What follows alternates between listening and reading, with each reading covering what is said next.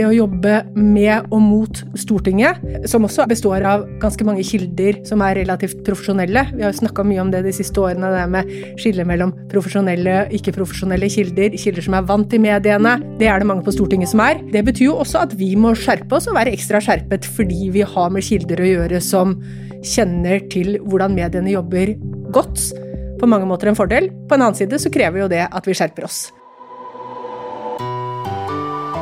It's a disgrace. And I think they ought to apologize to start with. dominere. A failing Media pile of garbage. False and fake, fake, fake, fake.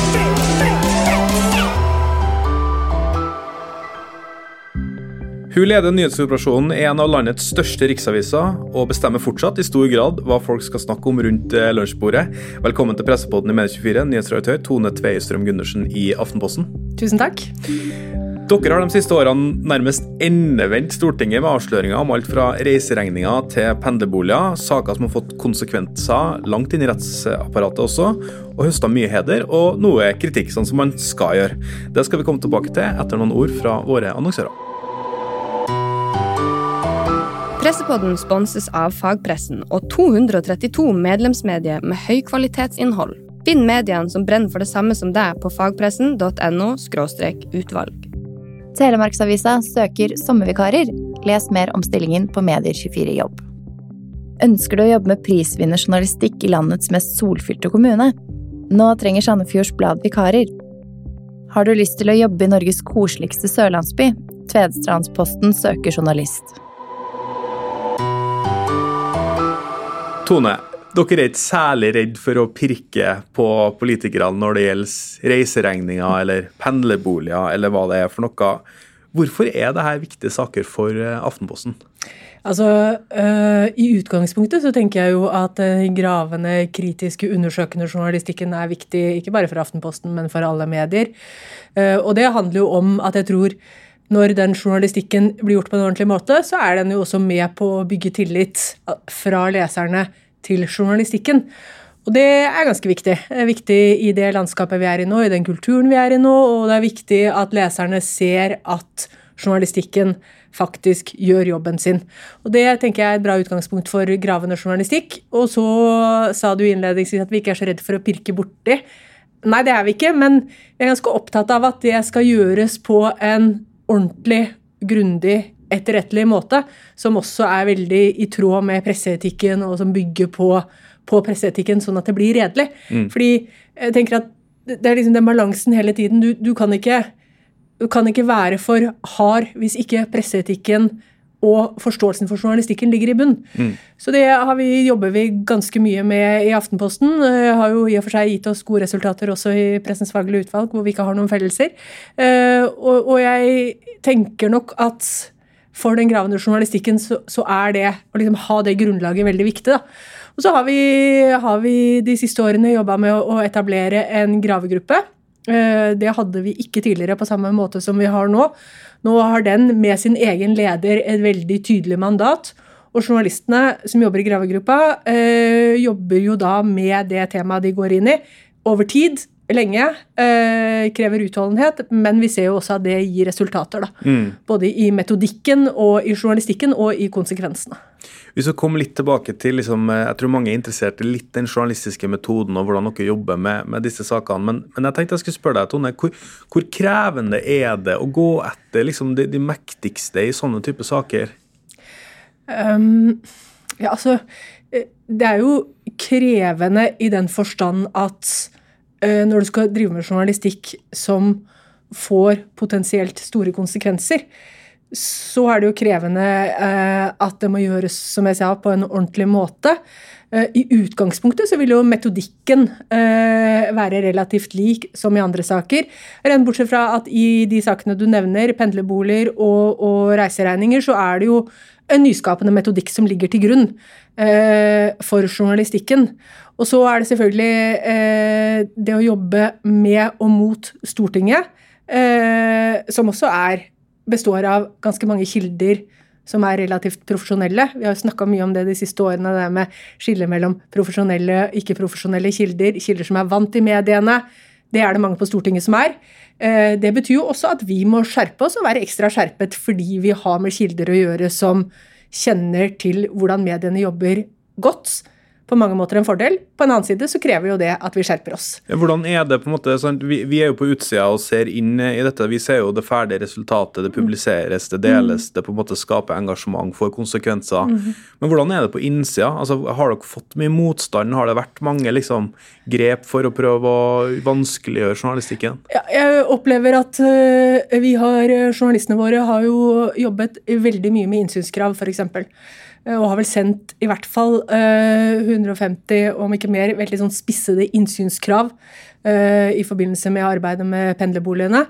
Og vi opplever nok at i stor grad så jeg, tror ikke det står på viljen nødvendigvis for å gi oss innsyn, men det tar veldig lang tid. Eh, Det er vanskelig å komme igjennom med innsynsforespørslene. Eh, Det tar for lang tid, sett fra vårt ståsted, å få svar. Og selv om jeg forstår at Stortingets administrasjon selvfølgelig eh, har fått veldig mye mer å gjøre som følge av denne journalistikken, så er det jo et krav om offentlighet som ligger i bunn. At når vi ber om innsyn i noe, så må vi få de svarene eh, tilbake igjen. Så det, det tenker jeg at eh, har, eh, har vært vanskelig. Eh, og så har vi vel mm, Hvis vi eh, tenker at vi har skrevet kanskje ca. 100 saker som involverer Stortingets administrasjon. Tre, I tre av de sakene så har vi blitt innvilget intervju med Stortingets direktør. Utover det så har det vært øh, tilbakemeldinger om at vi skal sende skriftlige spørsmål. Vi får svarene skriftlig fra kommunikasjonsavdelingen med beskjed om at vi kan sitere Stortingets direktør. Det øh, Hva syns du om det, da? Nei, det tror jeg alle som hører på denne podden vet at det fratar jo mediene eh, muligheten til å stille gode, kritiske oppfølgingsspørsmål, som vi egentlig er helt avhengig av for hvorfor, å kunne gjøre jobben vår på en god måte. Men hvorfor aksepterer vi det? Jeg syns jeg ser at det blir bare mer og mer normen eh, egentlig i journalistikken. Ja, jeg tenker at Utgangspunktet vårt er at det, det aksepterer vi ikke. Men for, samtidig, for at journalistikken skal komme videre, så må jo vi få svar. Vi er jo helt avhengig av når vi sitter og jobber med saker, at vi får svar på de tingene vi spør om. Eh, og når det blir såpass vanskeliggjort som det er i dette tilfellet, da, at vi ikke får stille spørsmålene direkte til direktøren, ja, så må vi da sende e-post innimellom, og så må vi ta inn det som kommer på e-post, og så samtidig fortsette å insistere på at vi trenger intervjuer, vi trenger å få snakket med de sentrale personene vi vil snakke med, for å kunne lage god, balansert journalistikk. For det er jo det som er hele poenget her. En ting er å få svar på noen spørsmål man stiller, men det handler jo vel så mye om for journalistene våre å få vurderingene fra Stortinget på en ordentlig måte, sånn at journalistikken blir mest mulig balansert. Så jeg vil nok si at, eh, at vi er ikke så fornøyd med det. Opplever nok også at det har vært tendenser til at hva kan jeg si, at, at det blir liksom forsøkt å, å skape litt tvil, litt sånn på en litt sånn subtil måte egentlig, om journalistene våre. For eksempel så er jo flere av de gravejournalistene som jobber i dette prosjektet, eh, jobber jo ikke normalt på Stortinget. Dette er jo gravejournalister, ikke politiske journalister. Og et par ganger så har vi fått sånn type tilbakemeldinger om at disse journalistene er jo ikke vant til å gå på Stortinget, så de skjønner ikke helt hva det går i. Skjønner ikke helt den politiske journalistikken, skjønner ikke spillereglene på Stortinget. Det finner vi oss ikke i.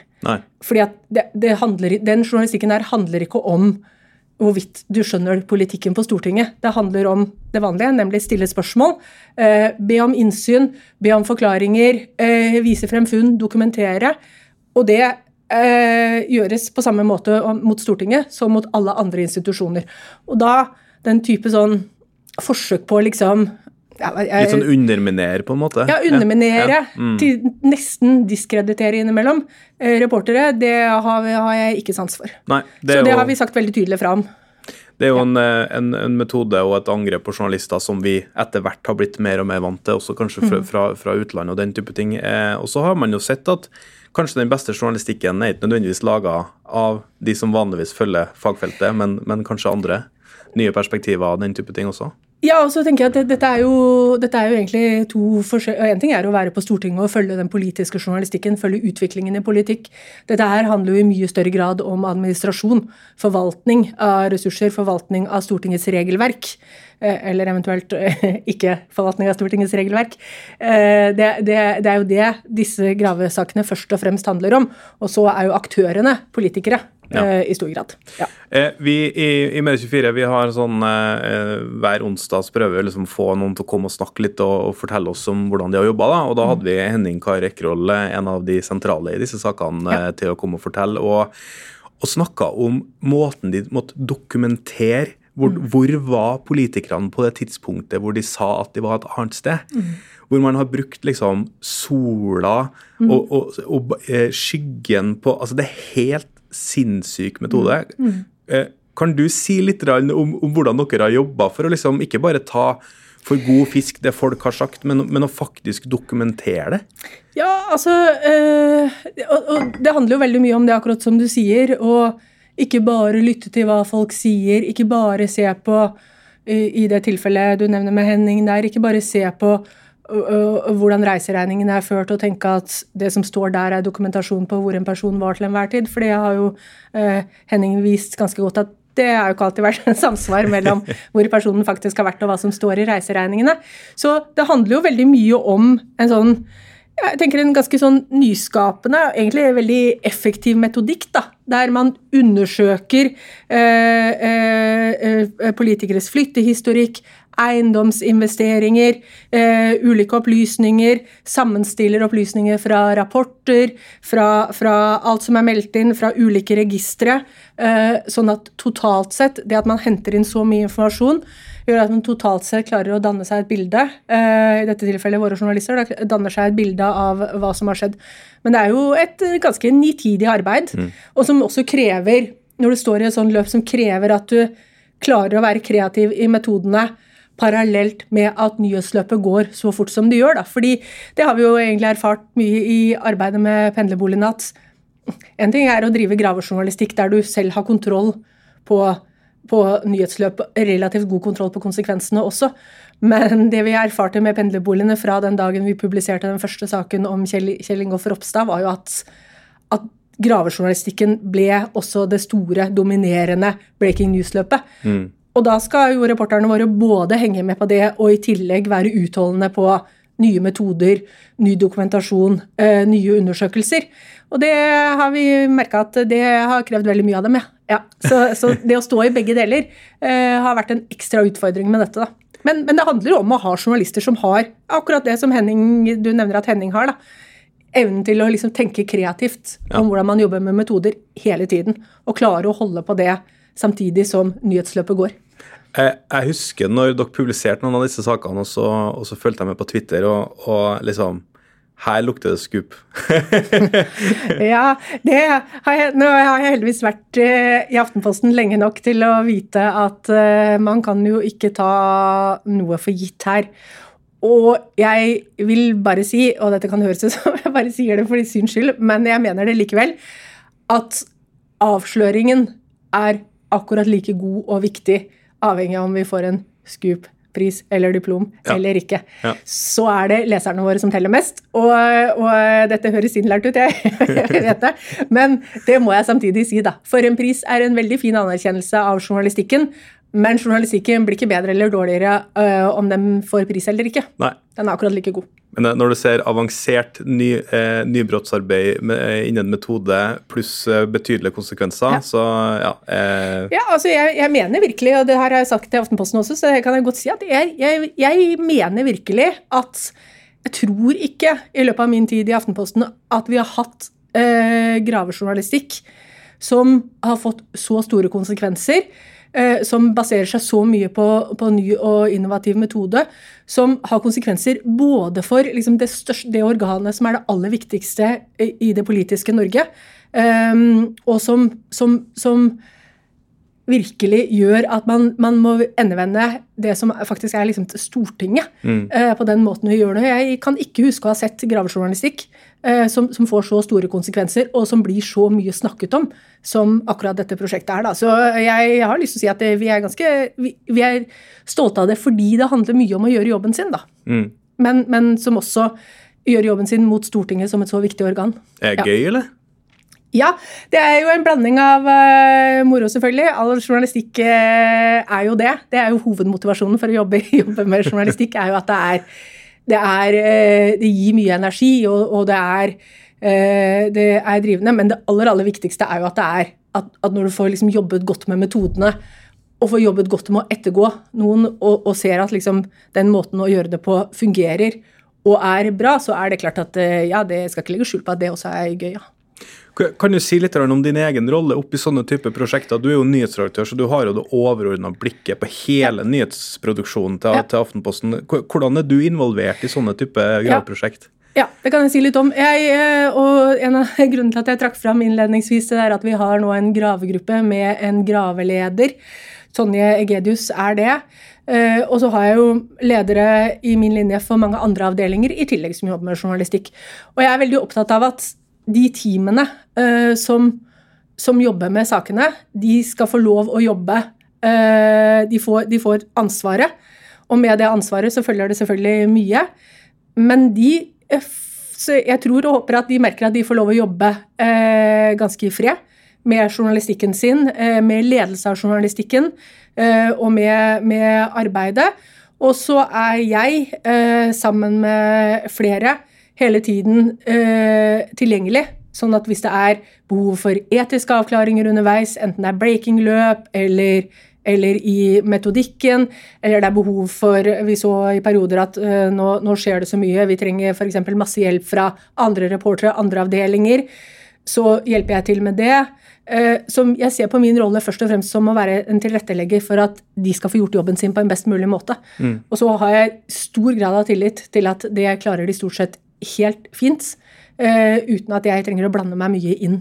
Men, men jobben min må tilrettelegge både for uh, ja, som sagt, etikkvurderinger, som er kjempeviktig. uh, for, og at vi hele tiden har nok folk. For at det liksom blir publisert og kommer ut i alle kanaler. Det er jo en viktig del av, av jobben min. Men, men det er først og fremst det.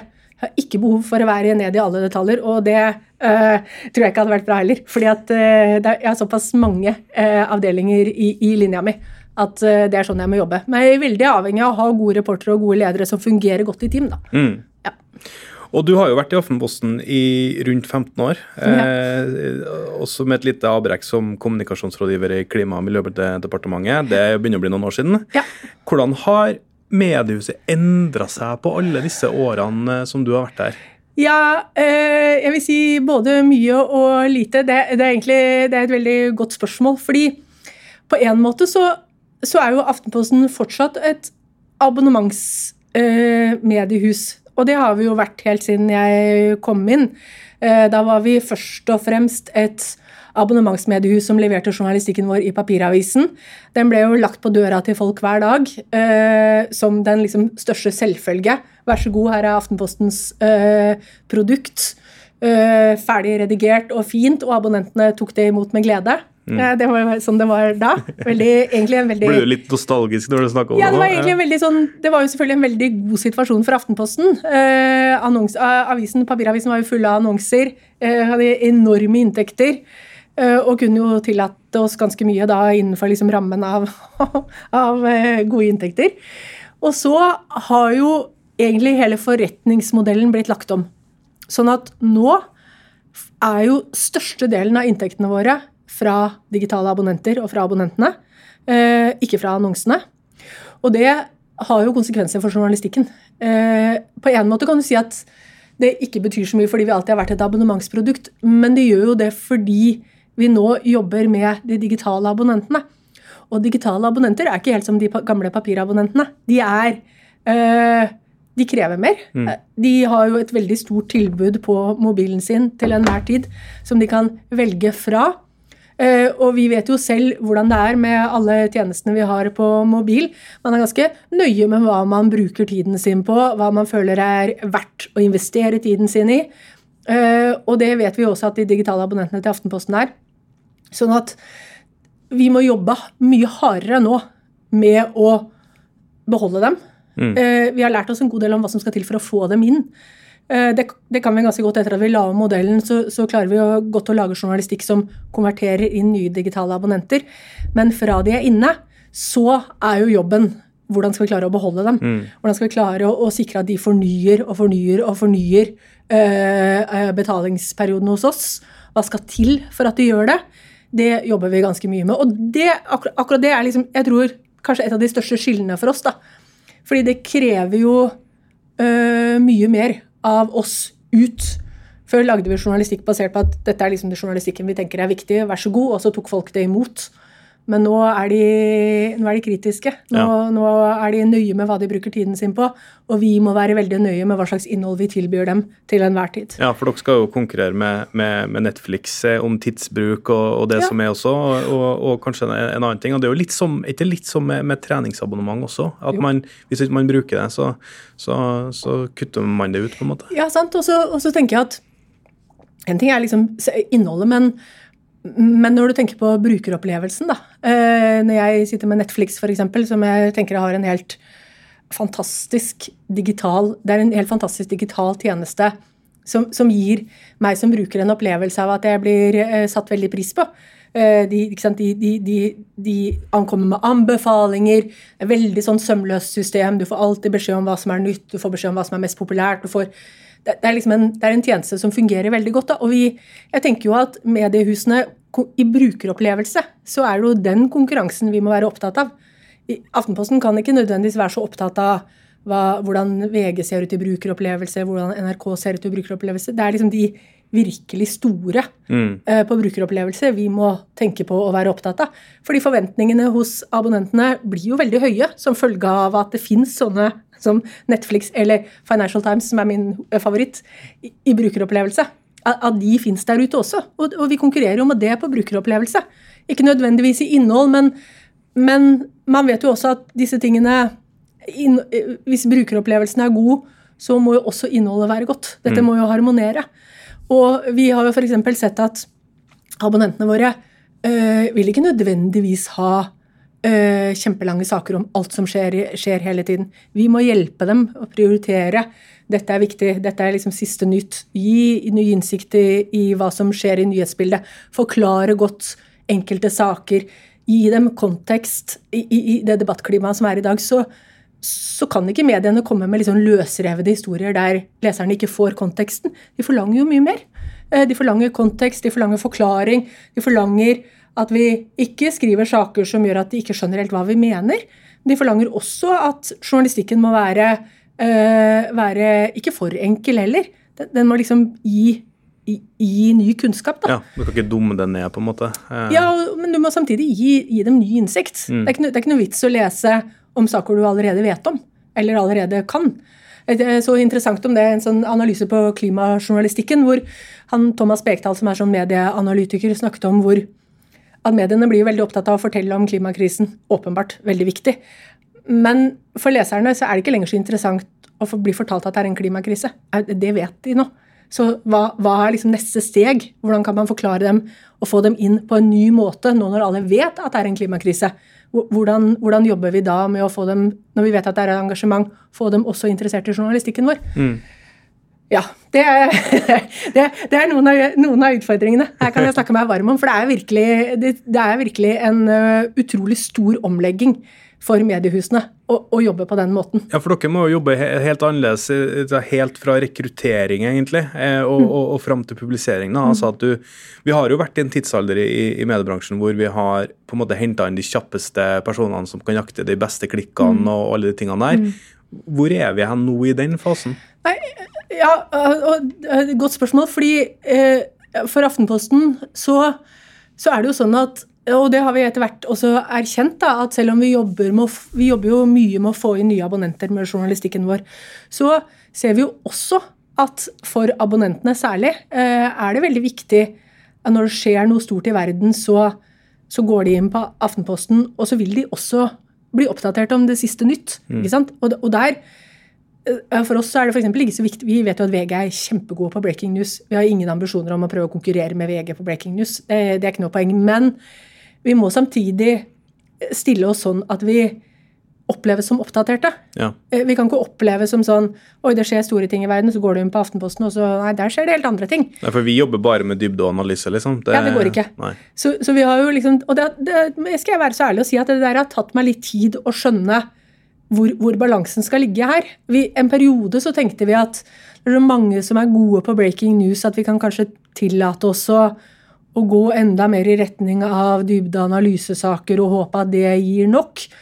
Det er ikke svaret fra abonnentene at det er nok. Vi, vi må også jobbe med breaking news. Og det, og det betyr ikke nødvendigvis at de som jobber med breaking news skal være opptatt av å jage klikk, men, men de må være opptatt av å, når det skjer noe, kunne gi leserne eh, rask innsikt i hva som skjer, og hvorfor det skjer. Pressepodden sponses av fagpressen og 232 medlemsmedier med høykvalitetsinnhold. Finn mediene som brenner for det samme som deg på fagpressen.no utvalg. Telemarksavisa søker sommervikarer. Les mer om stillingen på Medier24 jobb. Ønsker du å jobbe med prisvinnerjournalistikk i landets mest solfylte kommune? Nå trenger Sandefjords Blad vikarer. Har du lyst til å jobbe i Norges koseligste sørlandsby? Tvedestrandsposten søker journalist. Jeg pleier å si at, eh, at mediene må redigere seg som et bakeri. For du må ha mange kunder i butikken Mm. eh, for at de skal kjøpe den skolebollen. Så man må ha litt, litt begge deler. Eh, Ja. En ting, i, I disse 15 årene som du har vært i, i Aftenposten altså Vi i Medie24 har jo hatt et sånn status-media-prosjekt hvor vi har sett liksom på, på hvor er vi igjen i bransjen akkurat nå. Eh, Og, og det har jo vist at en halv milliard er borte fra Aftenposten på, på ti år. Eh, halvert antall redaksjonelle årsverk, en del sånne type ting. Du har jo vært der hele denne perioden. Hvordan, hvordan har det vært? Hvordan har du merka alle de kuttene? Ja, Um, det, det er helt riktig. Og vi hadde jo en veldig tøff nedbemanningsrunde for noen år siden. Uh, Da økonomien var virkelig ganske dårlig. Da, da hadde vi en stor nedbemanningsrunde, og det er ikke noe vits å legge skjul på at det var åpenbart øh, veldig krevende fordi det rammet. Også for hele Aftenposten. Fordi redaksjonen øh, Ja, sånn er det jo. Redaksjonen er jo et stort fellesskap. øh, og når du må nedbemanne, så, så rammer det jo selvfølgelig aller mest de som, som blir nedbemannet, men også hele redaksjonen som et fellesskap. Eh, og det har tatt oss ganske lang tid eh, å, å, komme over Jeg vet ikke om det er riktig ord å bruke 'komme over', men å, men å liksom eh, Jo, jeg tror det er riktig ord Ja. å si. Komme over det. Eh, fordi det var veldig tøft, og, og, det, og kollegaene som ble sittende igjen, var det åpenbart også tøft for. Og så har vi brukt en ganske lang periode på å liksom prøve å justere oss igjen. Finne ut av eh, nå er vi færre, hvordan skal vi jobbe nå?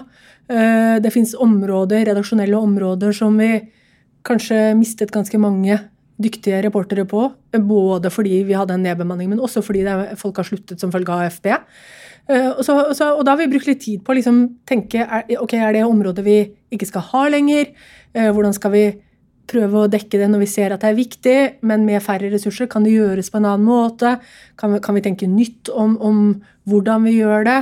Eh, Det har vi brukt litt tid på. Men hvordan jobber du som leder når du både skal liksom du skal nedbemanne Mm. samtidig som du skal omstille, samtidig som du skal ta vare på folkene dine, og Mm. de skal føle at de er med på et prosjekt som ikke er synkende, men som flyter og kanskje også skal liksom videre. Hvordan jobber du som leder i sånne situasjoner? Mm. Ja, altså det er selvfølgelig Her er mange nivåer å snakke om dette på, men, men det vi har til felles i redaksjonen, eh, som er positivt, og som, som alle som jobber i redaksjonen i Aftenposten blir inspirert av, åpenbart, det er god journalistikk. Sånn at øh, det, det er liksom det jeg, jeg tenker noen ganger at det er et privilegium å jobbe i en bransje hvor faget betyr så mye for de som jobber der. Og faget journalistikk betyr utrolig mye for alle. Det betyr i hvert fall at du har et fellesområde vi kan samles om hver dag. Det gjør vi også, vi samles hver, hver morgen av hele redaksjonen klokka halv ti og diskuterer journalistikk. Det trekker jeg frem ikke fordi det i seg selv er, en, eh, er det som betyr alt, men fordi det, det fellesskapet eh, gjør veldig mye for motivasjonen og energien. Eh, engasjementet for journalistikken. Vi diskuterer presseetikk, f.eks., eller diskuterer eh, en som har kritisert Aftenposten, eller diskuterer kritisk journalistikk om korona, så er engasjementet veldig stort. Og det betyr jo at vi kan bruke mye tid på det. Men så handler det også om å bruke mye tid på altså det som, eh, som man kan si at eh, ikke er fremst alltid hos en redaksjon, men som allikevel er utrolig viktig, nemlig organisasjon. Sikre at du har ledere for, som ikke har for store team, som har anledning til å ta seg av sine egne medarbeidere, følge dem opp. Mediehusene har nok tradisjonelt hatt eh, hatt veldig store team, ledere for veldig store team. Eh, Det har vi jobba ganske mye med i Aftenposten å redusere, sånn at lederne skal ha anledning til å og, og bygge et godt fellesskap i sine team.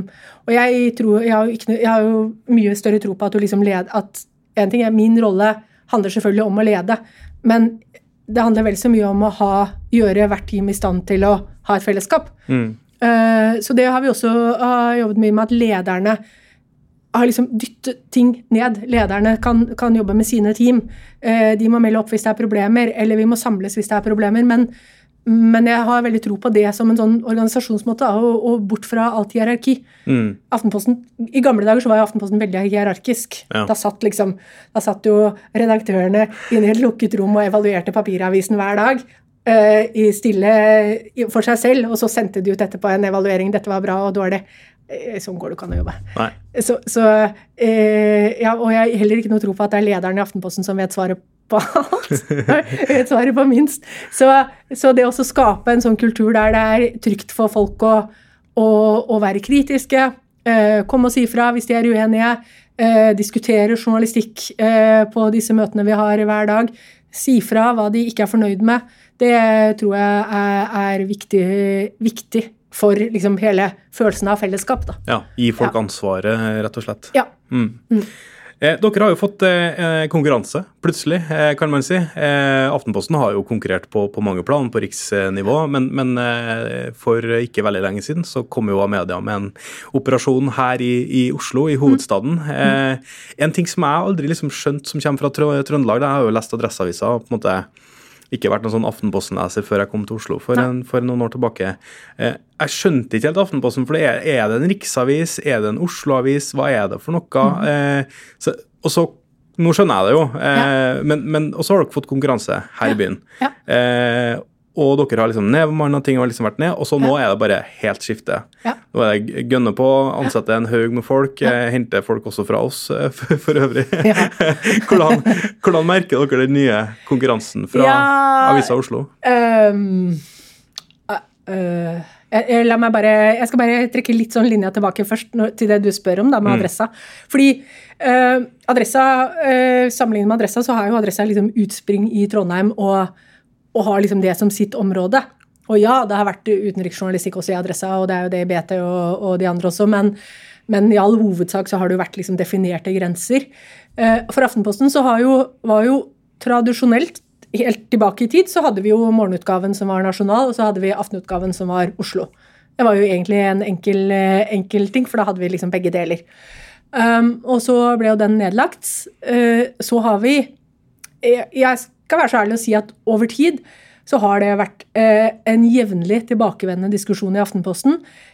Vi ser at det er behov for mer Oslo-journalistikk, vi ser at det er interesse for mer Oslo-journalistikk, men vi hadde rett og slett ikke muligheter, sånn situasjonen var en periode, til å prioritere det og gjøre noe med det. Mm. Og det handler mye om økonomien, da.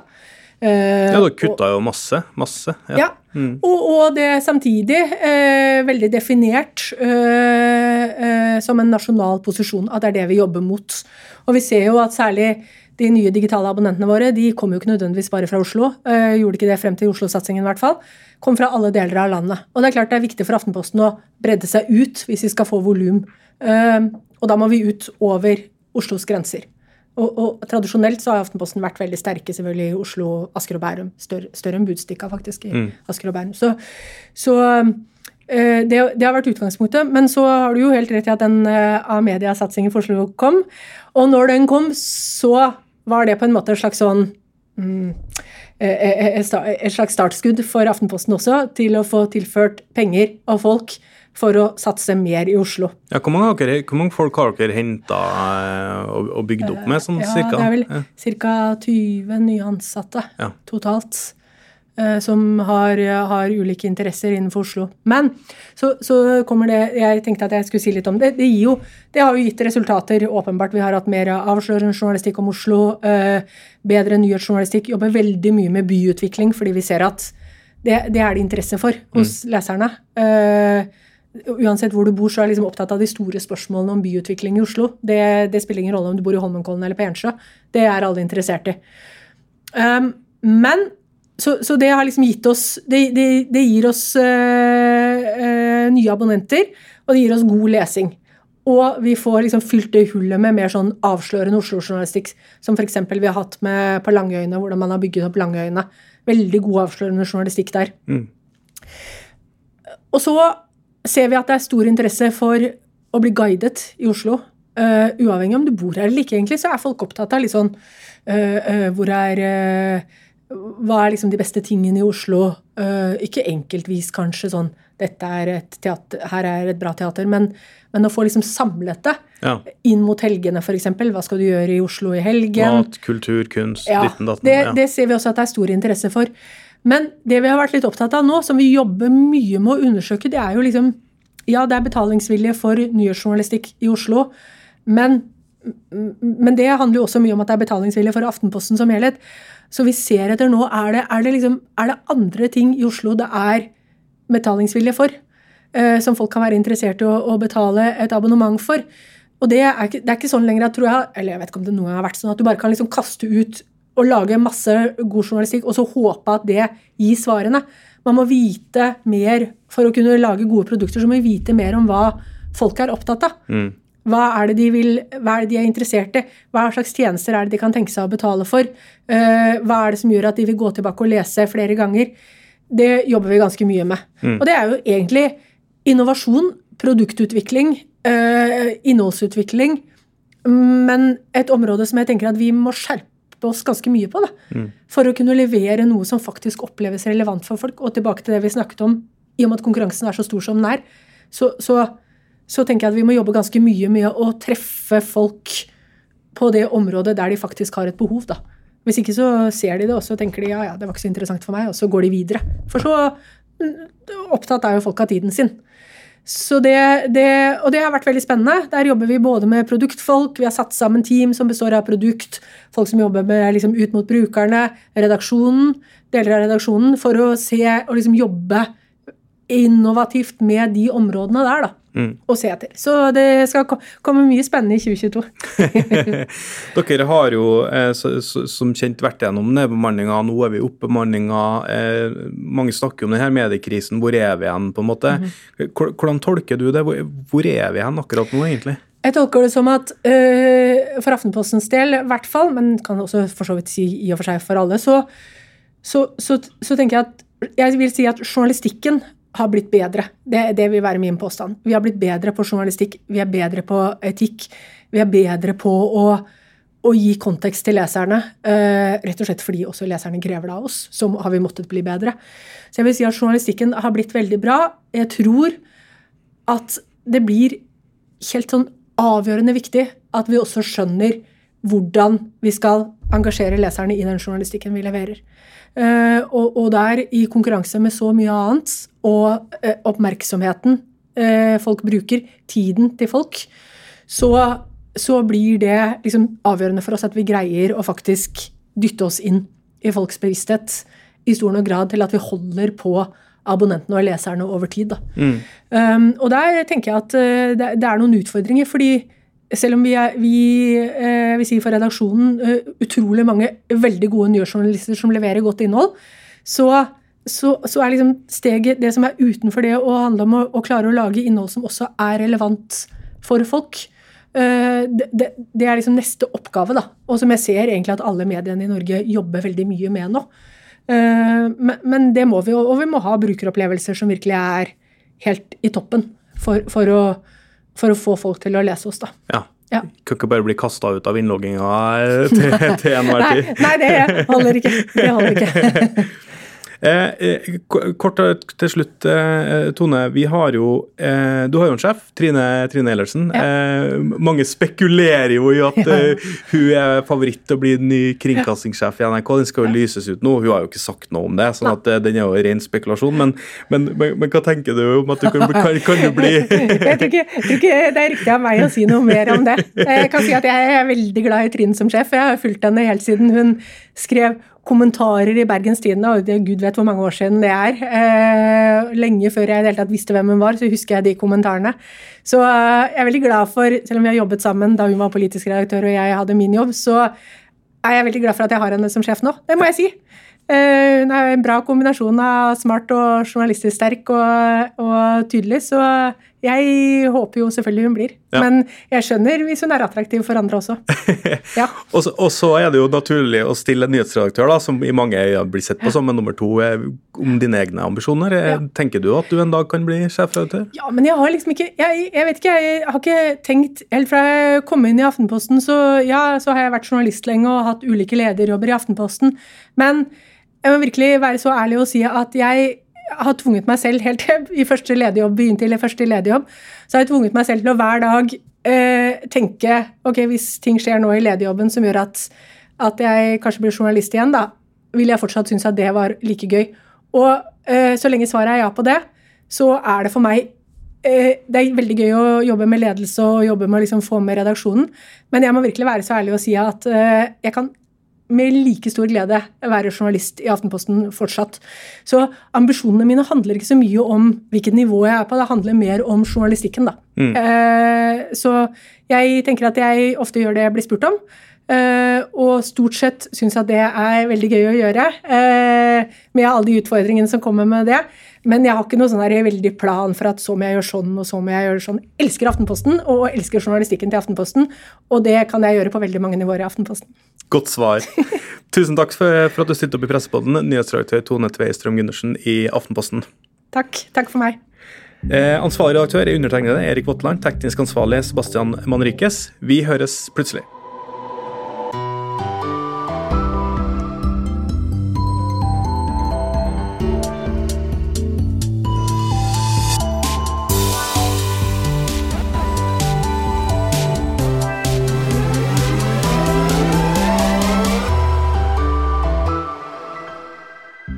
Pressepodden sponses av fagpressen og 232 medlemsmedier med høykvalitetsinnhold. Finn mediene som brenner for det samme som deg på fagpressen.no utvalg. Telemarksavisa søker sommervikarer. Les mer om stillingen på Medier24 jobb. Ønsker du å jobbe med prisvinnerjournalistikk i landets mest solfylte kommune? Nå trenger Sandefjords Blad vikarer. Har du lyst til å jobbe i Norges koseligste sørlandsby? Tvedestrandsposten søker journalist.